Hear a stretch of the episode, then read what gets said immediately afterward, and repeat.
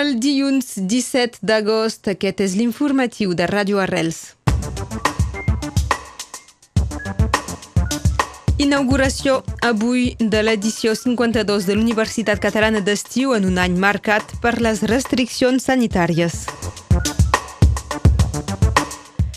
Dur la màscara és obligatori als carrers del centre de Perpinyà, però també al Pertús, Sant Cebrià i Vilafranca de Conflent des d'aquest cap de setmana. El Girona es classifica per la final del play-off d'ascens a primera divisió de la Lliga.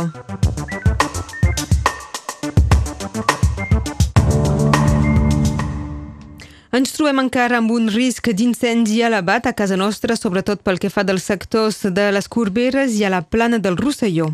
Avui comença oficialment la 52a edició de l'Universitat Catalana d'Estiu, que com cada any es fa a Prada, però sense públic per les obligacions sanitàries imposades per l'Ajuntament i la Prefectura.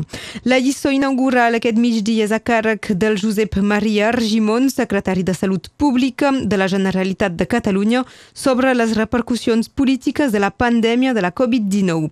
Els altres intervinents d'aquesta inauguració seran el Vall de Prada, Iva del Cor, Joan Talarn, el president de la Diputació de Lleida, i Joan Domènec Ros, president de la Fundació UCE i de l'Institut d'Estudis Catalans.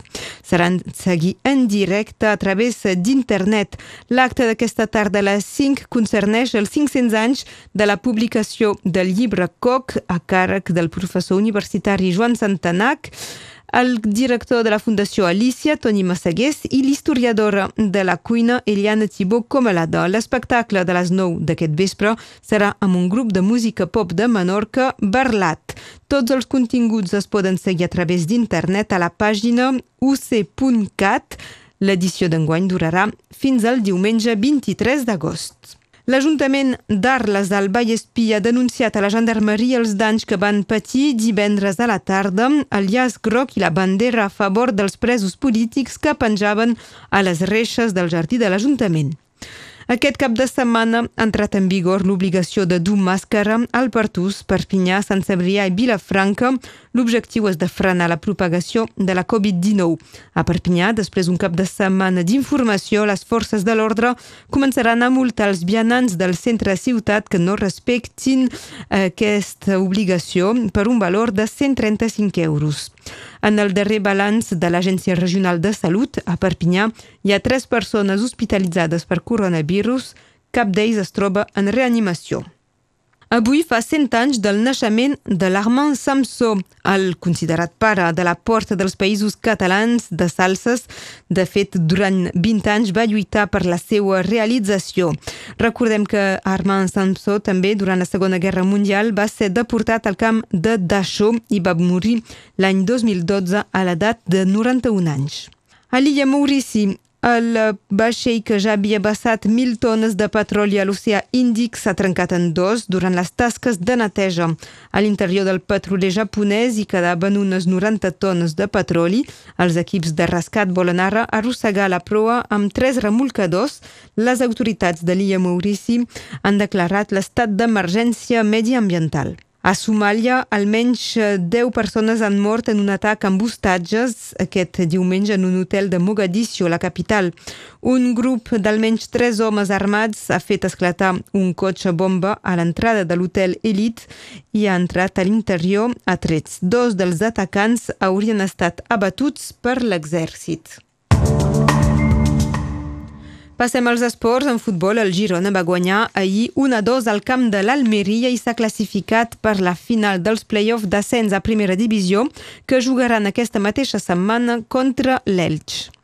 El Barça, després de la derrota històrica contra el Bayern de Múnich, avui es reuneix la junta directiva i no es descarta res entre cessament dels entrenadors, alguns jugadors, els directius i fins i tot la possible convocatòria d'eleccions anticipades. En rugby a 13, els dracs catalans, després del clar 58 a 0 contra Wakefield, són ara a la segona plaça de la classificació de Superliga amb 10 punts i un partit de retard en comparació amb el líder Wigan, que en té 12 i que serà el proper rival el diumenge 30 d'agost. Abans, els jugadors eh, de catalans retrobaran Wakefield per una eliminatòria de Cup serà aquest dissabte.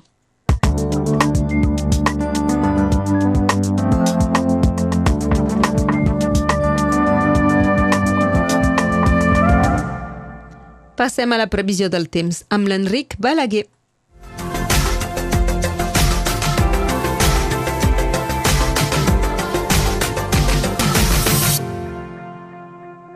Pel matí tenim un cel blau a la plana i núvols alts a la resta del territori. Veurem una alternança de marinada i tramuntana durant tot el dia.